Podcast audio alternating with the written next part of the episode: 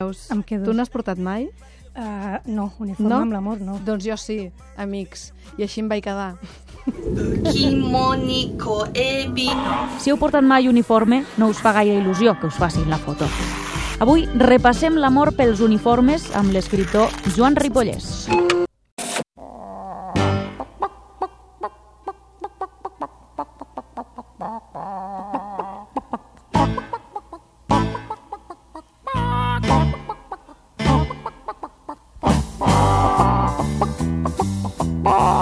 fa molta il·lusió que arribi aquest moment perquè tenim moltes ganes de preguntar-vos si vosaltres, per feina, per el que sigui, eh, eh, si per l'escola, heu portat mai uniforme. Joan Ripollès, bona tarda. Molt bona tarda. Tu n'has portat mai o no d'uniforme? Jo mm, no, he de dir que no. Jo n'he portat dues vegades al col·legi i quan venia discos en una botiga de discos molt coneguda. Ah. I portava un, una armilleta molt, que molt diguem mona. No cal. No cal. Escolta, què ens vols explicar avui? Perquè avui és el Dia Internacional del Treball i tu tens ganes de parlar d'uniformes? Avui, clar, anem venuts, anem venuts. Per fer aquest hom- homenatge als màrtirs de Chicago, aquests obrers, vuit obrers que van ser condemnats injustament el 1886, podríem fer un, un, un homenatge a una peça fonamental pel treball, el- l'uniforme de treball. Aquell uniforme que ens, ens, ens diu aquesta persona està treballant. Aquell mono blau, eh, aquelles eh, hosteses, per exemple, perquè les hosteses han marcat un abans i un després, no? Hosteses, eh, obrers, la, la granota blava del, de l'obrer, Uh -huh, del mecànic. els, els uniformes de treballadors esportius, Ens encanta. Doncs escolta, comencem per aquests amb una preciosa cançó de José Guardiola. Minero soy, con mi azadón y mi pala nací. Y un día gris, sin aurora y sin sol, dispuesto a luchar a la mina fui cargar Sixteen I ja que hi som, tenim ganes de preguntar-li als oients si us agraden els uniformes, eh, que hi ha gent per tots, i quin és el vostre uniforme predilecte, si en teniu algun. A mi hi ha alguns d'hosteses que m'agraden molt. El mono blau de treball també he de dir que m'agrada bastant. El color, sobretot, i la textura que té la roba. Però clar, qui l'ha de portar cada dia per feina potser diu, escolta, escolti senyoreta, Però justament jo crec que aquest uniforme de treball ens dona una facilitat per desprendre'ns d'aquesta mala pràctica que es porta avui dia molt massa. Que? És endur-se la feina a casa. És a dir, si tu portes el, la granota blava o l'uniforme de, de O la bata de metge, la, no? Sí, la bata de, me Sí. de metge, de farmacèutica, del que sigui, Mhm. te la treus i ja no has de pensar més en la feina. Però no us passa a vosaltres que us fa una mica de cosa veure algú del sistema sanitari fumant una cigarreta amb la mateixa bata amb la que després estaran dins eh, durant la cara? Però és gent que se salta les normes. Ai, la vida Sí, perillosa. Hem de tenir una, un, un, un reguitzell de simpaties cap a aquesta gent que se salta les normes una miqueta.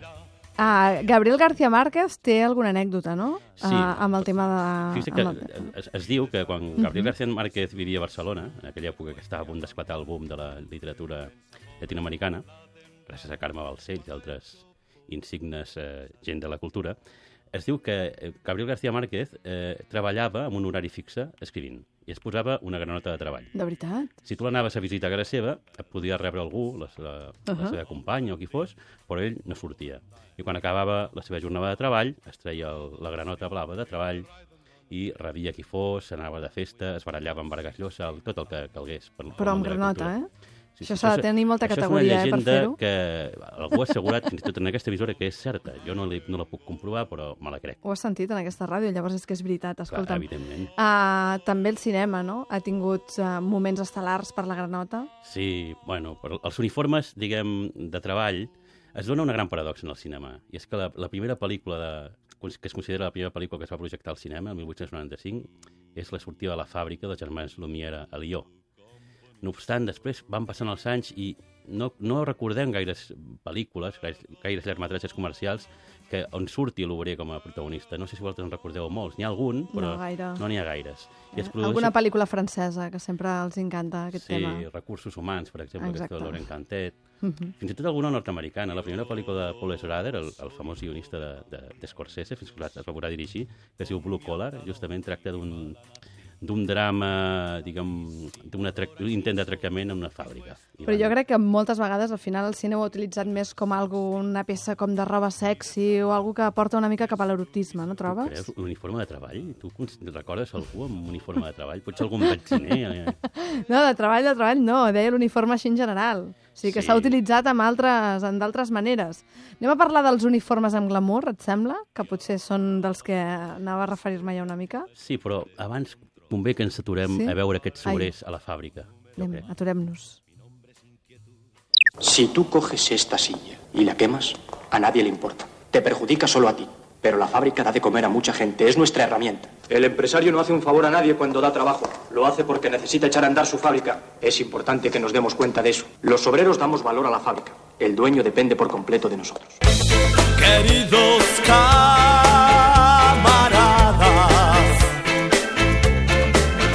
Estic pensant en una pel·li molt xula que em va agradar molt d'un barceloní, aquell de Platillos Volantes, d'Òscar Aibar, Sí. on em sembla que sí, que perquè sortien a la fàbrica d'automoció, sí, no? Sí, sí, a Terrassa, crec que era a Terrassa. Exacte, ens va estar- molt aquella pel·lícula. Sí, eh, per mi, és, no, sense, diguem, deixar de banda la, la resta de la seva filmografia, és el que més m'agrada, Sí, dubte. estem d'acord, estem d'acord. I eh, tu em volies parlar també del glamour, no? No d'obli- no l'hem Ara d'oblidar. Acabem d'escoltar un fragment d'una pel·lícula que es diu Con niñas y dientes, un director càntabre, Paulino Biota, i és una pel·lícula dels anys 70 en què els obrers, eh, com a mínim la, durant la transició, tenien aquesta vena heroica, els pagaven, els perseguia la policia, els pistolers, i eren un, uns herois. Però normalment, per desgràcia, el, el que se li atorga un glamour a través del cinema, de les novel·les, de les sèries de televisió, són els uniformes de treball que exerceix la violència. És a dir, policies, militars... Qu quants actors, eh, recordeu, oi? quants actors s'han donat a conèixer, han saltat a la fama per papers de, Tom de Cruise, militar? per exemple, no? Tom Cruise, eh, la Teniente O'Neill, no? La, la senyora aquesta. Tom Cruise, que és, eh, diguem, eh, aire, eh? Top Sí? Gun. Kevin Costner, no? Kevin Costner, que era mariner, eh, Uh-huh. sí, una pel·lícula que és, sin- en castellà és Sin salida, i el, el que vam tenir fa poc en aquí a Barcelona, Richard Gere, que va fer oficial i, I Caballero. i tenint terra, mar i aire. O sigui, i, tot. sense parlar dels clàssics, eh? John Wayne, Clint Eastwood, Ahà. diguem. Aleshores, es, es, sembla ser que exercir la violència amb un uniforme, aquest uniforme que es reconeix com a policia, com a militar, mm, dona molt glamour, no? Perquè la gent cobra molta fama i molts diners eh, fent aquests papers. O sigui que si vols que la teva carrera sigui meteòrica, comença per vestir amb un uniforme amb el que exerceixis poder i ho tens ja gairebé tot fet, sí, m'estàs fins i dient? tot hi ha, hi ha gent que s'obsessiona amb l'uniforme. Eh? Gent que... Hi ha una pel·lícula canadenca que es diu Estímuls uniformes, dels anys 80, que és, explica la història d'un actor que es fica tant en el paper de policia que no pot evitar ja agafar la seva personalitat i comença a repartir a, tro a tort i a dret eh, llenya a la gent, què passa. Només perquè portava l'uniforme Sí, sí, sí, el, això de, ser policia, de, de vestir-se de policia té, té, té el seu perill. té els seus riscos. Uh, aquí els hi va fer Antoni Miró, els nostres Mossos, no? El vestit. Sí, Sabe sí, que és una cosa molt explicada, sempre. Sí, sempre un- em fa com gràcia a mi és que un ho fet. diguin. Doncs escolta, uniformes de l'amor, també n'hi ha. Estaba releyendo su informe. Según parece, usted defiende la teoría de que el asesinato lo cometió no un asesino cualquiera, sino un policía. Buscamos a un hombre blanco, muy fuerte, con uniforme de policía. Se han dado casos de policías con perturbaciones mentales, intentos de suicidio, eh, demasiada presión emocional. En el barrio de. Potser és que els hi estrenyo una mica la corbata, no, a vegades? Els accessoris que portes en l'uniforme. Sí, a mi m'estranyen els botons de l'uniforme. O sigui, Doncs- trobava els botons que em pressionaven, els botons de l'uniforme. No hem d'oblidar que hi ha una gran tradició de gent amb, amb voluntat de servei que es fica l'uniforme justament per protegir, per servir, protegir, defensar la llei, però es produeixen casos una mica difícils d'explicar, com el de, aquest fragment que, que acabem d'escoltar, que és una pel·lícula que es diu Maniac Cop, que explica la història d'una mena de policia fantasmal que mor de, de manera molt, molt ruda i torna a la vida per castigar a la gent que, que no puc castigar en vida. Com som. Quines ganes de venjança. Uh, Però si fixes, el, sí? aquest, aquests uniformes de policia que hem dit que doncs, moltes vegades doncs, reafirmen una mica la, de policia i de militars, no? són gent armada, també s'utilitzen en, en àmbits com les, els comiats de solter i de soltera. I hi ha una sèrie d'uniformes que ens condueixen a M'estàs l'amor. fent por, ja. Estem, Del- estem parlant de la, del nostre amor pels uniformes, però ja és, és que hi ha uniformes que ens Escolars. impulsen a la- l'amor. Estàs parlant dels escolars? Home, ara no, no, no em fiquis en aquest tràngol, eh? Home, escolta't, hi ha una cançó preparada per tot això. Sí, sí, sí. Sí o no? N'hi ha un-